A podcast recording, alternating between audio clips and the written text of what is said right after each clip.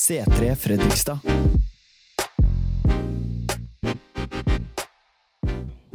Som vi har snakka om den siste tida, så har vi om bønn nå. Eh, og det er jo Pete som har stått litt sånn i bresjen for, eh, for liksom å lage det rammeverket her, sånn at hver søndag har på en måte hatt et lite sånt eh, tema, da, eller hva man skal snakke om. Eh, og i dag så skal jeg snakke om noe som på engelsk heter 'prayer of supplication'. Eh, det er så flott med det engelske språket, fordi at du har et ord for alt. Eh, men når du skal oversette det til norsk, så har vi ikke det. Så eh, når jeg skulle oversette ok, 'supplication' Jeg skjønner jo hva det betyr, ikke sant? Men hva betyr det egentlig, da? Så oversetter jeg det. ok, 'Prayer of supplication'. Så kommer det norske språket ikke sant, og bare briljerer. Bønn for bønn. Mer ut. altså, det blir ikke bedre, ikke sant? Man får en god forståelse her.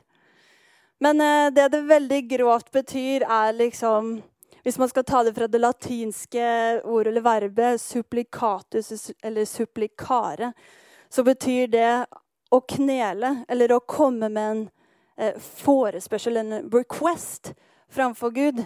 Altså man spør Gud om noe. Men det er ikke bare at man kommer og spør Gud, man kommer med en ydmyk holdning. Det er en ydmyk bønn. Det er det som er prayer of supplication. Man kommer fremfor Gud med en ydmyk bønn. Så jeg har lyst til å lese første bibelvers, Filipperne 4, 6-7. Vær ikke bekymret for noe, men legg alt dere har på hjertet, fremfor Gud. Be og kall på ham med takk. Og Guds fred, som overgår all forstand, skal bevare deres hjerter og tanker i Kristus Jesus. Så på engelsk så står det jo ikke sant, pray, uh, prayer and supplication. På norsk står det 'å kall på Han'. Så det er en form for påkallelse. Uh, det som er nøkkelordet her, er jo det med ydmykhet. Jeg tror mange av oss har sikkert vært i, i um, settinger i hvert fall jeg har vært i det. Jeg har gått på bibelskole i Australia og alltid vært aktiv i kirken og hørt og sett på prekener. ikke sant? Og noen ganger så har jeg kommet over folk som liksom ja, men Du bare kan kommandere Gud. liksom. I Guds navn så bare kommanderer vi det her til å skje. Og det har alltid vært litt sånn Hæ? Kan vi det, liksom? Eh, det tror jeg ikke vi kan og mis, misforstå meg rett, eller forstå meg rett nå, at jeg tror, ikke, jeg tror det er en balanse der. Vi har blitt gitt autoritet i Guds navn til å utføre visse ting. Man kan be om helbredelse i Jesu navn. Men jeg tror ikke vi kan komme inn for Guds trone og kommandere Gud til å svare oss. Gir det mening? At liksom I Guds navn så fortjener jeg et svar nå! Jesu navn, amen. Jeg tror at det er litt feil greie, da.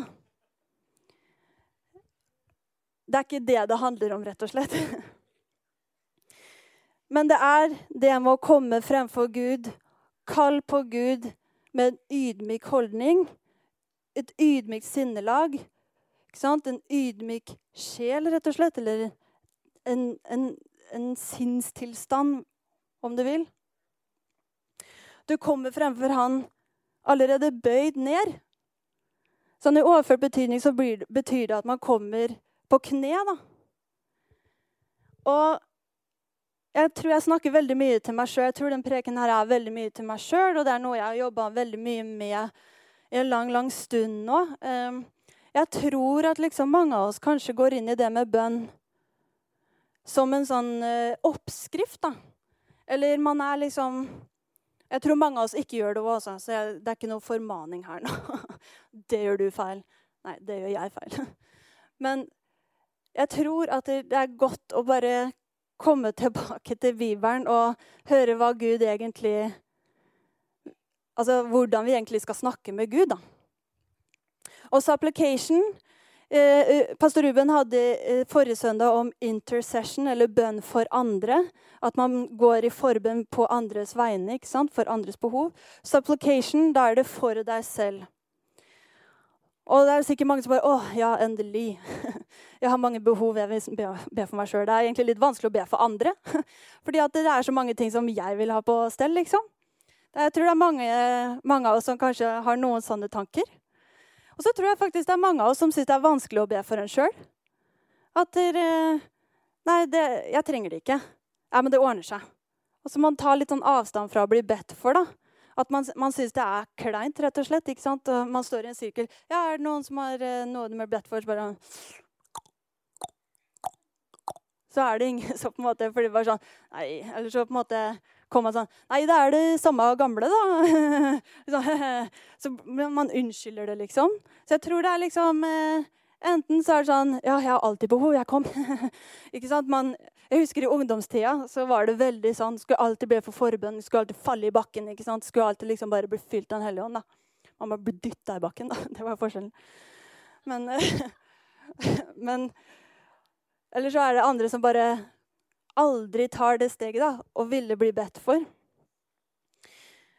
Men det med prayer supplication, hva er det ikke? Det er ikke sånne quick fix-bønner. Det er ikke liksom 'Kjære Gud, takk deg for maten her. Amen.' Eller det er ikke sånne raske bønner før, før, vi legger oss, liksom. bare takker deg for den dagen her. Fantastisk. Amen.' Det er ikke, det er ikke sånne quick fix-bønner. Det er ikke der du kommer til Gud, og så bare gnir du litt på Bibelen i tro om at det kommer liksom en sånn ånd opp som bare Ja, men nå har du tre ønsker, dem kan du få forfylt, liksom. Det er, det er ikke sånne type bønner, da. Det er, og det tror jeg vi alle vet. ikke sant? Nå, nå, snakker jeg om ting vi allerede vet. Og hele den, det vi skal snakke om i dag, det er ting vi vet. Så jeg håper ikke at dere liksom sitter der og bare Ja, vi vet det, Silje. Men jeg tror at vi trenger å bli påminna om det. Fordi at vi har tro på at i bønn så er det ting som skjer. Og bare nå når vi har hatt bønn i fem eller seks uker allerede, da, så merker Jeg vet ikke om dere merker det, men det er virkelig en atmosfærisk endring i det rommet her. Det er ting som brytes underveis. Og vi er ikke ferdig med det. Og Derfor tror jeg det er viktig at man tar opp holdningene våre også underveis. At man ikke bare fortsetter å gå ikke sant, i det der sporet man er vant til å gå i, men at man faktisk liksom tar et sånn Når man er i bønn, da, fordi bønn er intimitet med Gud. På samme måte som et ekteskap. ikke sant? Vi er bruden. da. På samme måte som et ekteskap når du snakker med hverandre, og det er ut det utløser, utløser og utvikler en form for intimitet, så er bønn det samme. Og da er det viktig at man klarer å se på seg selv i den situasjonen eh, gjennom Guds øyne. da. At vi hele tiden tar en sånn holdningssjekk. Så det er en posisjon vi kommer fremfor Gud, hvor vi anerkjenner at vi er underlagt hans vilje. Vi anerkjenner at vi er i behov. Vi anerkjenner posisjonen vår i forhold til Gud. Det er det prayer supplication, eller bønn, altså en ydmyk bønn. Man, man gjenoppretter forholdet til Gud. Man lar Gud være på topp. Eh, det er nøkkelen innenfor Guds trone. Og jeg sier jo ikke at Gud ikke kan møte hvem som helst. Han har sikkert møtt folk som på en måte ikke er ydmyke og Det gjør Gud, for Gud er Gud. Men jeg tror virkelig at liksom den holdningssaken her At vi faktisk, vi mennesker, da Vi er villige til å gå ut av sentrum og la Jesus få lov til å bli sentrum. Vi er villige til å ta av våre kroner for å sette den på Jesus. For han tilhører på tronen, ikke sant? Og når vi gjør det, så er det jo et møte Altså, Vi ser Gud for hvem han virkelig er. Vi ser hans hellighet. da. Og det er der endringa er. ikke sant? Vi har snakka om tempel og det aller helligste før. At når man trer inn i det aller helligste altså Det er så mektig at du kan dø. ikke sant? Vi har mange eksempler fra Bibelen om det. Men det er det samme her. da. At når man faktisk trer inn, så trer man inn i det aller helligste. Og det er der forvandlingen skjer. Når man har satt, satt seg selv vekk fra pidestallen Og man kommer ydmykt til Gud. Man åpner hjertet sitt. Man er sårbar. Man sier det som det er. Man er ekte. Det er der endringen er. Ikke sant? Det står jo veldig fint i Matteus evangeliet ikke vær som hedningene før Fader vår. Ikke vær som hedningene eller fariseerne um, som bare liksom ber på oppskrift. Ikke sant? Og det er sånn at Gud vil at vi skal spørre. Og her og tror jeg, vet, hvert for min del, så har jeg syntes at det har vært vanskelig. Eh, for jeg har, alltid, jeg har kanskje vært en av dem som ikke har hatt lykt og blitt bedt for. Selv om jeg har liksom gjort det, men så er det akkurat som noe i meg som har liksom bare stoppa det. Fordi jeg har følt at det har vært egoistisk. Jeg har følt at det liksom Nå opphøyer jeg meg selv, da. Eh, eller at man er trengende, eller man er en byrde for Gud, liksom. Men det står veldig klart i Bibelen at Gud ønsker at vi skal komme til Han. Det står i Johannes 14, 13-14. Det dere ber om i mitt navn, vil jeg gjøre. Så Faderen skal bli forherliget gjennom Sønnen. Dersom dere ber meg om noe i mitt navn, vil jeg gjøre det. Johannes 15, 7. Hvis dere blir i meg, og mine ord blir i dere, da be om hva dere vil, og dere skal få det. Johannes 16, 23-24. På den dagen skal dere ikke ha mer å spørre meg om. Sannelig, sannelig, sier jeg dere, hvis dere ber Fader om, noen, om noe, skal han gi dere det i mitt navn. Hittil har dere ikke bedt om noe i mitt navn. Be, og dere skal få, så deres glede kan være fullkommen. Matteus 6, 8. Vær ikke lik dem, for dere har en far som vet hva dere trenger, før dere ber han om det. Nøkkelordet er jo før. Før vi ber om det, så vet Gud hva det er. Man sier ikke å, ja, før, du, uh, før du ber, så vet jeg det, så ikke be. Det er ikke det han sier. Han går videre til å faktisk gi oss en mal på bønn. Det, så det her er faktisk noe som åpner opp den relasjonen med Gud. da. Før han Altså, mange vet, eller i hvert fall jeg, da. Jeg, er, jeg elsker åpen kommunikasjon. Det vil si at det er ingenting som gjør meg mer irritert og sinna i den verden her omtrent, bortsett fra urettferdighet og sånne type ting. da. Som mangel på kommunikasjon. Der man bare antar men man, man sier ikke ut. Det er, og det, det, er liksom tenkt, Mange ganger har ikke jeg gjort det med Gud, liksom. At man liksom bare går hit, Og det er, det er en bra ting, det òg. Man bare proklamerer at Gud er god, Gud er god, liksom. Og så bare antar. Og det er jo en god antakelse fordi Gud er Gud. Men et, han vil jo ha et forhold med oss. Han vil at vi skal snu oss til han. da. Mange ganger så tror jeg at jeg bare gjør sånn Ja, Gud er god.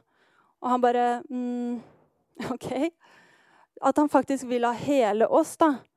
Og bare si, 'Gud, jeg vet at du vet det her, men jeg har det faktisk veldig vondt nå. Ja. Eller jeg er, er dritlei at jeg ikke har blitt helbreda. Eller jeg er ensom, jeg. Ja. Hvorfor får jeg ikke leilighet, Gud? Hvorfor får jeg ikke et barn, Gud? At man er helt åpen og ærlig med Gud, da. Selv om man har gjort det mange ganger.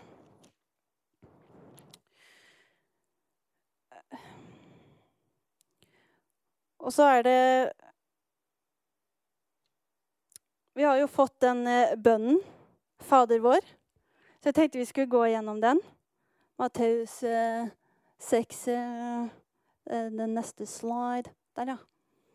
Slik skal dere da be. Fader vår, du som er i himmelen. La ditt navn holdes hellig. La ditt rike komme. La din ville skje på jorden som i himmelen. Gi oss i dag vårt daglige brød. Forlat oss vår skyld, som vi òg forlater våre skyldnere. Led oss ikke inn i fristelse, men frels oss fra det onde. For riket er ditt, og makten og æren i evighet. Det her er eh, noe disiplene, disiplene spurte Jesus om. Altså, lære oss hvordan å be. Og Jesus kom med den bønnen her. Og det her er en bønn vi har lært oss, og for mange så går den på automatikk. Men hvis man virkelig tar en dypdykk eh, inn i det her, så får vi faktisk vite akkurat hvordan vi skal be, og faktisk hvordan vi ikke skal be. Det begynner med at Det begynner med Gud. Vår far. Vårt fokus. Det begynner med at vi anerkjenner hvem Gud er. Fader vår, altså vår pappa, en intim relasjon. Men du som er i himmelen, kongen over hele universet. Vi skal holde ditt navn hellig. Det er fokus. Det er det vi alltid skal begynne med. Du skal alltid begynne å ære. Du skal alltid begynne å takke, takke Gud for hvem han er. Og eh, jeg har mange ganger hørt på Robert Morris gjennom åra. Og så hørte jeg på en preken i forrige uke, og da syns jeg han sa det her så bra. Det som kommer nå, seks, ti, la ditt rike komme, la din vilje skje på jorden som i himmelen. Det er vårt filter for hvordan vi skal komme fremfor Gud i en ydmyk bønn, i en ydmyk holdning. For hvis vi, hvis vi bare stopper der, hvis vi faktisk ikke går lenger ned til våre behov, så, så retter våre begjær seg bare fordi det blir vårt fokus. Gir det mening? At når man velger å ære, når man velger å løfte opp Guds navn, når man velger å fokusere på Gud alltid først, så vil det som jeg opprinnelig hadde lyst til å be Gud om, det vil måtte rette seg inn mot Guds vilje. Og vi er kalt til å leve i Guds vilje. Det er vi. Vi skal leve i Guds vilje, da. Og nøkkelen til å leve i Guds vilje er at vi vil leve i Guds vilje. Vi må ville det. Og Jesus er jo et prima eksempel på det. I Lukas 22, eh, 42. Far, om du vil, så ta dette begeret fra meg, men la din vilje skje, ikke min. Det er fokuset. Det er den holdninga her vi alltid bør, skal ha. Det er ydmykhet. Det er Guds vilje. Så min. Og som sagt, jeg tror ikke vi engang mange ganger egentlig trenger å liksom heve egen vilje opp, da. Så lenge man begynner med Guds vilje. Da retter alt seg. Fordi det er noe som skjer i hjertet, det er noe som skjer i tankene våre. På engelsk heter det 'align'. Heter det å rette opp mot Guds vilje. Vi skal underlegge vår vilje til Han. Det betyr ikke at vi ikke skal fortelle Gud hvordan vi har det. ikke sant? Det er ikke det det her går på. Men det, det betyr at Gud vet best. Hans vilje er best. Det er, det er det vi hele tiden skal leve ut ifra. da. For Det står jo i Jakob 4 at det faktisk går an å, å be med feil motiver. Man kan faktisk eh, gå fremfor Gud. Det står dere begjærer, men får ikke. Dere myrder og misunner, men oppnår ikke noe. Dere ligger i strid og ufred. Dere har ikke fordi dere ikke ber. Eller dere ber, men får ikke fordi dere ber galt. Dere vil sløse dem bort i nytelser. Så det er faktisk en hjertesak. Det er faktisk noe med motivene våre. Det er med hvordan vi entrer en situasjon. Det har med stolthet å gjøre. ikke sant? For dere som er eh, gift eh, og skal bli gift, og sånn, der man liksom virkelig jobber med en annen person som er ulik seg selv, da, så skjønner man jo selv at man ikke kan komme inn i en situasjon og løse problemer med å aldri gå ned fra sin egen pidestall. Aldri innse feil man tar. Alltid liksom bevare den stoltheten for alltid. Det løser ingenting. Og jeg sier ikke at Gud ikke løser sånne ting, for han er jo over alle. Han kan gjøre absolutt hva han vil. Men det endrer Hvis jeg hele tiden går fremfor Gud og ikke anerkjenner mitt eget hjerte, da, så betyr det faktisk at jeg forherder hjertet mitt. Så jeg faktisk, jeg stenger det av. Så jeg, jeg kan ikke motta. Fordi at jeg ikke anerkjenner hvem jeg er i forhold til Gud. Jeg har gått inn i det med stolthet. Jeg har gått inn i det med en type oppskrift. da. Ikke sant? Man går inn med fine ord. Nå skal jeg be en poetisk bønn. Det betyr ingenting. Fordi Gud vet allerede hva du skal be om før du har bedt det. Så hvis du skal be da i fine ord, så altså, Det er ikke noe maske for Gud, det. Men det er uærlighet. Ikke sant? Så det sier noe om den distansen man kanskje skaper mellom seg selv og Gud. da, mange ganger. For man tror at liksom Å, kjære Gud Man er så veldig der mange ganger. Og Jeg sier ikke at det er feil heller, så jeg håper dere forstår nyansen i det jeg prøver å formidle. Men at det faktisk er den derre Gud vet før du ber. At det må gjøre noe med oss. Skal vi bare ta av maskene liksom, og komme fremfor Gud og, og, og bryte litt med det man har kanskje lært opp i? Det man har sett, det man har sett til mennesker og Wow, det var bra bønn, liksom. At det har ikke noe å si. Det har ingenting å si. Det har virkelig med hjertet vårt å gjøre, da.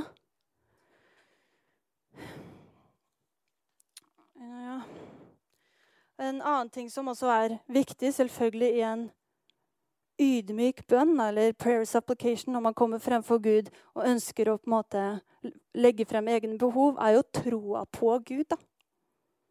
Eller troa på Jesus.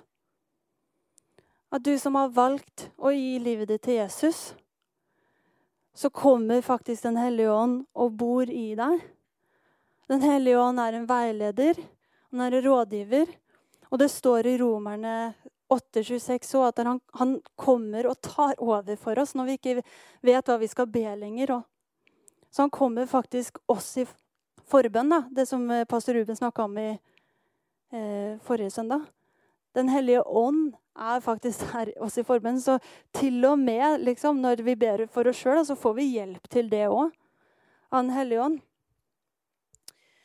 Og så vil jeg bare si at igjen at det er ikke det er ikke selvisk eller egoistisk å be for ting for seg selv. Bibelen er full av det, ikke sant? Det første jeg kommer på nå, er eh, Hanna i første Samuels bok. Som i desperasjon sitter der og, og bare si, mumler for andre, da. Men ber til Gud om et barn. Andre tror hun er full, ikke sant? men nå sitter der i desperasjon. Hun er, hun er helt ydmyk fremfor Gud og ber. ikke sant? Og samme med Abrahams herre, som ber, eller blir, får et løfte. da. Og du har Eller Moses som ber om å se Guds herlighet. ikke sant? Bibelen er full av sånne eksempler. Jeg vil bare si Det er ikke egoistisk. Det er ikke selvisk.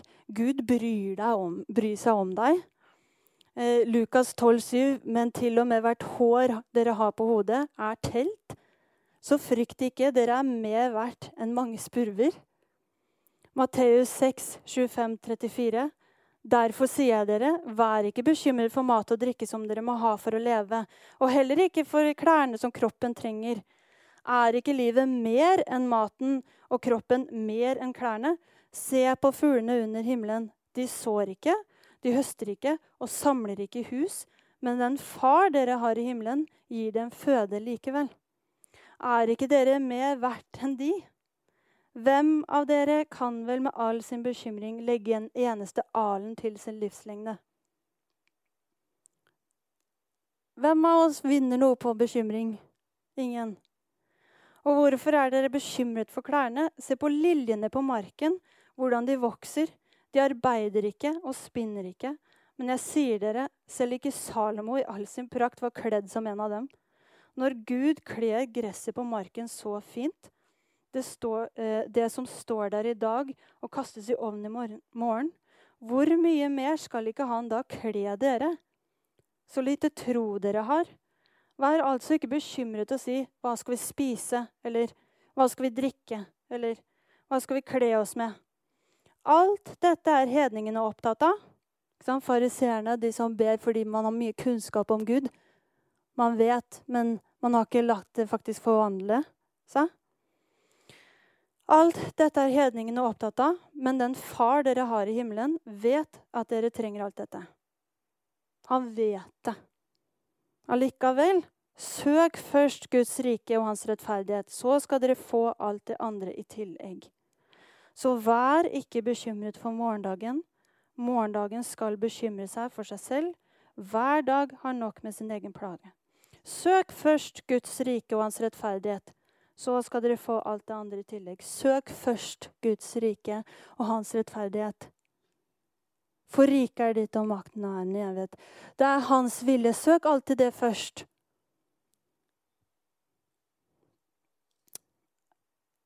Det må gå med en tanke om at man ikke kan komme til Gud, eller man må liksom poli, eh, polish Polere. Der, hvis jeg hadde det på norsk òg. Det at man tror at man må liksom polere bønnene sine fremfor Gud. da. At man ikke kan være liksom helt uh, åpen og ærlig fremfor Gud, eller at man holder igjen. Uh, det stenger faktisk av, som jeg snakka om tidligere, forherdige hjerter. Det stenger faktisk av intimiteten vi kan ha med Gud. Det er en måte å ta avstand på fra det Gud har for oss. Gir det mening?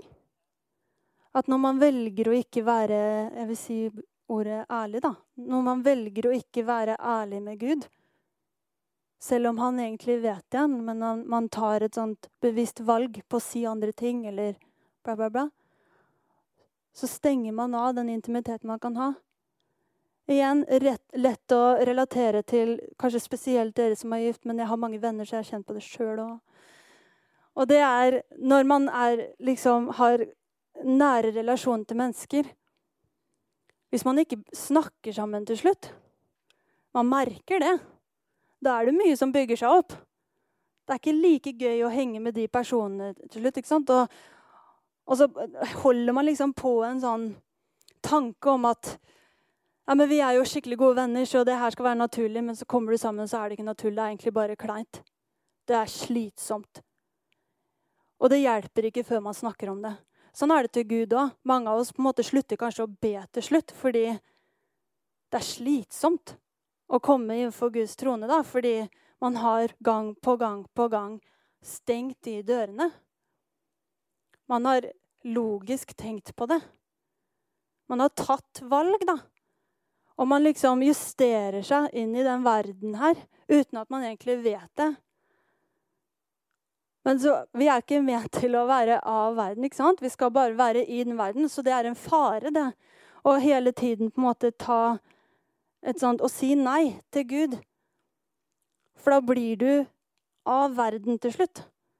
For du morfer ut da, av det Gud har kalt deg til å være, inn i noe som er overtatt av mørket, da. Det som er at bønn, det er ikke en teknikk. Bønn er et forhold. Det er en relasjon. Det er kommunikasjon. Så det er ikke bare quick fixes og vi tar en bønn om dagen, så på en måte lever vi lenger. Det, ikke, det handler ikke om det. Det er faktisk sånn vi kommer til Gud. Det er en livsstil. Vi har mange ganger snakka om det med lovsang. Da. At det, det, er ikke bare sanger man synger og skriver, men det er en livsstil. Det er faktisk Det, det begynner i sinnet, da. Og det infiltrerer hele kroppen. Det er et perspektiv, det er en helt annen måte å gå inn i hverdagen på. Fordi med en gang man, man kommer inn til Gud, så på en måte merker man at man er faktisk eh, på engelsk set apart. Gir det mening? Hva heter det på norsk? Skilt ut. Og det er en del av helliggjørelse. Som vi har snakka om tidligere. Det er en del av å faktisk bli mer lik Gud og bli mindre lik oss selv. da. Det, og det er vi kalt til. Vi er kalt til stadig helliggjørelse. Vi er blitt gjort hellige, men vi er kalt til helliggjørelse.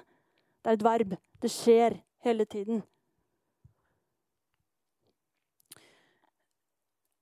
Og så står det jo også i Bibelen at vi skal komme som barn. Så vi skal faktisk ikke komplisere det for oss selv. da. Vi skal gjøre det veldig enkelt.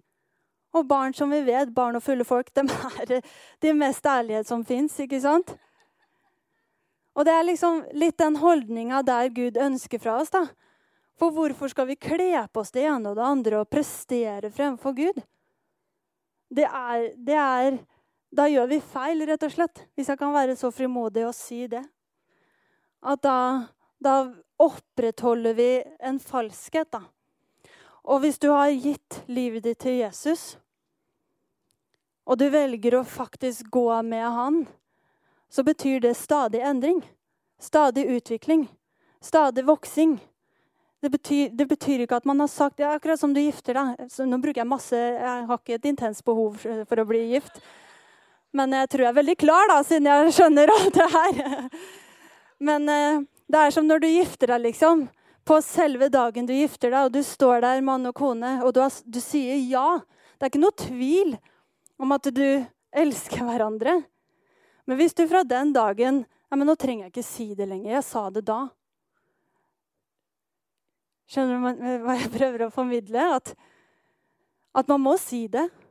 Man må på en måte ta det der steget hele tiden. Det er viktig for relasjonen. Både de jordlige relasjonene som ekteskap er på jorda, men med Gud. Vi vet at han elsker oss. Og har, ja, jeg ble frelst. Jeg sa ja til Jesus. Men jeg må faktisk Det er et forhold. Jeg må bare fortsette å komme til ham. Ikke, ikke liksom gjøre meg selv viktig eller gjøre meg selv opp på noen andre måter. Mange ganger, som Jeg sa i sted, jeg tror vi mange ganger har også egentlig blitt litt skada av miljøet man har vokst opp i. For man har tenkt at det er en oppskrift. Man har sett på det, og man liksom Standarden vår er liksom hvor mange som kommer på møte, eller hvor bra lovsang det er, og liksom hvor mange sånne knagger eh, pastoren kommer med for at du skal liksom bare wow, wow, wow. Altså, jeg tror at liksom Man har også på en måte blitt sånn condition da, av samfunnet. Men hvis man faktisk inntar denne type bønn, en bønn av ydmykhet, så vil man avlære alt. Og Da klarer man også å gå inn i en sånn situasjon og se hva, hva som er Gud, og hva som ikke er Gud. Og man får hele tiden ikke sant, en Hellige Ånd som veileder på innsida og på en måte sier ja, nei, hmm. Han er hele tiden der da, til å hjelpe oss. Men det som er Kristendom er ikke en organisert religion der vi først og fremst lever etter regler. Er du kristen, hvis du virkelig er kristen, så har du et personlig forhold til Gud. Og det med bønn, det er i utgangspunktet en, eh, en respons på nærhet. På Guds nærhet. Men vi har som eh, ansvar å tune inn i den nærheten. Og jeg vet ikke med dere, men i hvert fall med meg da, så har jeg blitt ganske god på å fylle alle tomrom i livet mitt. ikke sant? Man har alltid noe på øra. Radio, podkast, musikk, TV, bok. Ikke sant? Det er ikke et minutts stillhet her da, i hverdagen. Og ved at vi lever sånn, spesielt som kristne da, Sorry, nå er jeg litt formanende, men jeg, det er til meg sjøl òg. Jeg håper dere vet det så er det faktisk et aktivt valg om å stenge Gud ute, det òg. Vi må tørre å, å, å, å, slå av musikken. Om det er å gå tur uten musikk, om det er å jogge uten musikk, om det er å være hjemme uten musikk, om det er å Vet du hva, jeg, skal ikke se på TV en time nå, liksom. Vi må tørre den stillheten, da. Vi må tørre det. Fordi vi må skape et rom for at Gud kan fylle det. Og det er bare på den måten vi kan faktisk ha en aktiv relasjon med Gud. Vi, vi må slutte å lure oss selv til å tro at vi er eh, aktive kristne vi, hvis vi ikke faktisk gir Gud rom da, i livet våre. Og jeg er den første til å si jeg har ikke alltid lyst til å sette meg med, med Bibelen. liksom. Men hver gang jeg har gjort det, så merker jeg en endring. Og det vet jeg at alle her, alle her vet det. Så det er litt sånn for en oppmuntring òg til oss alle at vi søker Gud. Og han bryr seg om deg, da. Og du vet den uh, historien vi ofte snakker om, Maria og Martha. ikke sant? Der Martha bare bom, bom, bom, bom, bom, bom, bom. Og Maria bare sitter fremfor Guds føtter. da. Så har du bare Martha som bare eh, 'Jesus, hallo. Jeg har masse jeg skal gjøre', liksom. Hun bare sitter der. Men Det handler om prioritering, ikke sant? For andre som kanskje ikke prioriterer det å komme sånn til Gud, så vil det virke som om det er bortkasta tid. da. Så kanskje for Martha akkurat der så virker det som Maria bort, kaster bort tiden sin. liksom. Vi har masse å gjøre. Men for de som prioriterer det å komme frem for Gud, det vil aldri være bortkasta. Og det er helt essensielt at vi må gjøre det som kristne. Det nytter ikke å si ja på den dagen man tok imot Jesus, og aldri mer snakke om det. Hvis du vil ha en levende relasjon med Gud. Hvis du vil faktisk leve i det kallet han har kalt deg til. Du, hvis du faktisk vil på en måte ha alt det Gud har for deg, da. Så det som også er, er at når du prioriterer Gud, så, så blir det synlig. Det blir merkbart. Og man blir en atmosfæreforandrer. Når man, man kan gå inn i enhver situasjon og faktisk endre atmosfæren. Så det er ikke sånn at du bare er sammen med Gud, og ingenting skjer ut av det. Det skjer faktisk på så mange nivåer og dimensjoner da, som vi ikke er klar over engang. Men det er opp til oss, da. Så jeg tror bare mot slutten nå så har jeg bare lyst til å si at ydmyke mennesker de ber med riktige motiver. Det er Guds vilje som alltid er først. Og jeg vil også bare si at vi må være litt var på hvem vi faktisk kommer fremfor. At det er den aller helligste som vi kommer fremfor. Responsen da er ære. Vi skal ha æresfrykt fremfor Gud. Vi skal ikke komme med stolthet og kommandere Gud til det ene og det andre. Vi skal ha ærefrykt fremfor Guds trone når vi kommer inn for ham med våre behov. Og det å komme fremfor han med ydmyke hjerter, med en bøyd holdning, det bør produsere noe i oss. Det bør faktisk heve standarden vår. Det bør bygge karakteren vår. Samtidig som det faktisk tar vekk byrder og prestasjonsangst. Fordi det handler ikke om oss. Så på samme, måte som det hever standarden vår eller bygger karakteren vår, så er faktisk terskelen mye lavere fordi vi forstår at jeg skal ikke gjøre noen ting for at Gud skal gjøre noe. Jeg skal bare være her. Jeg skal være Guds barn og komme, komme til Han med et helt sårt, åpent og ydmykt hjerte. Og han skal bare høre meg. Jeg må ikke prestere noe som helst. Det avhenger faktisk ikke av meg. Vi er ikke så viktige, dere. Det er Gud som er viktigst. Så det er, ikke, det er ikke ment til å være liksom Tenke nå at bare Å, nå må jeg bare forberede meg skikkelig i bønn. Det er ikke ment som det. Det er ment til å faktisk forstå at det, nei, det, det er ikke noe terskel der engang. Det er bare å komme. Du skal ikke tenke på hvordan du skal be. Det du skal tenke på, er at det er Guds vilje som er best. Underlegg deg Guds vilje, og så kommer det andre, da. Og du kan komme fremfor Han med dine behov. Og helt enkelt hvordan man ber en bønn av ydmykhet eller en supplication. Du begynner med å prise og ære Gud. Du begynner med å takke Gud. Vi begynner alltid der. Det er aldri feil å takke Gud. For Gud har gjort så enormt mye for oss, mer enn vi noen gang klarer å forstå. Vi fortjener det absolutt ikke.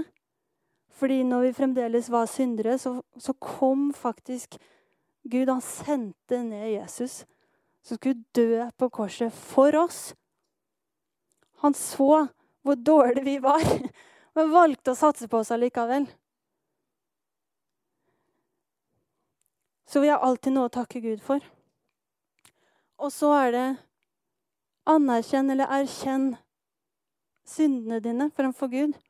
Gud vet uansett hvordan det er, så det er ikke vits å maskere det. Det er bare å si 'Gud, jeg har synda', ja. Det er ikke så greit, men jeg gjorde det, Gud. Unnskyld. Kom fremfor Han, erkjenn synden din, så deler du byrdene dine. Del, altså, klag til Gud, da. ikke sant? Men gjør det ut fra en ydmyk holdning.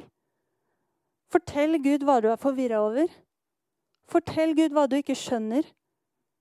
Fortell frustrasjonene dine. Legg ned byrdene, da. Og så spør du om Guds vilje.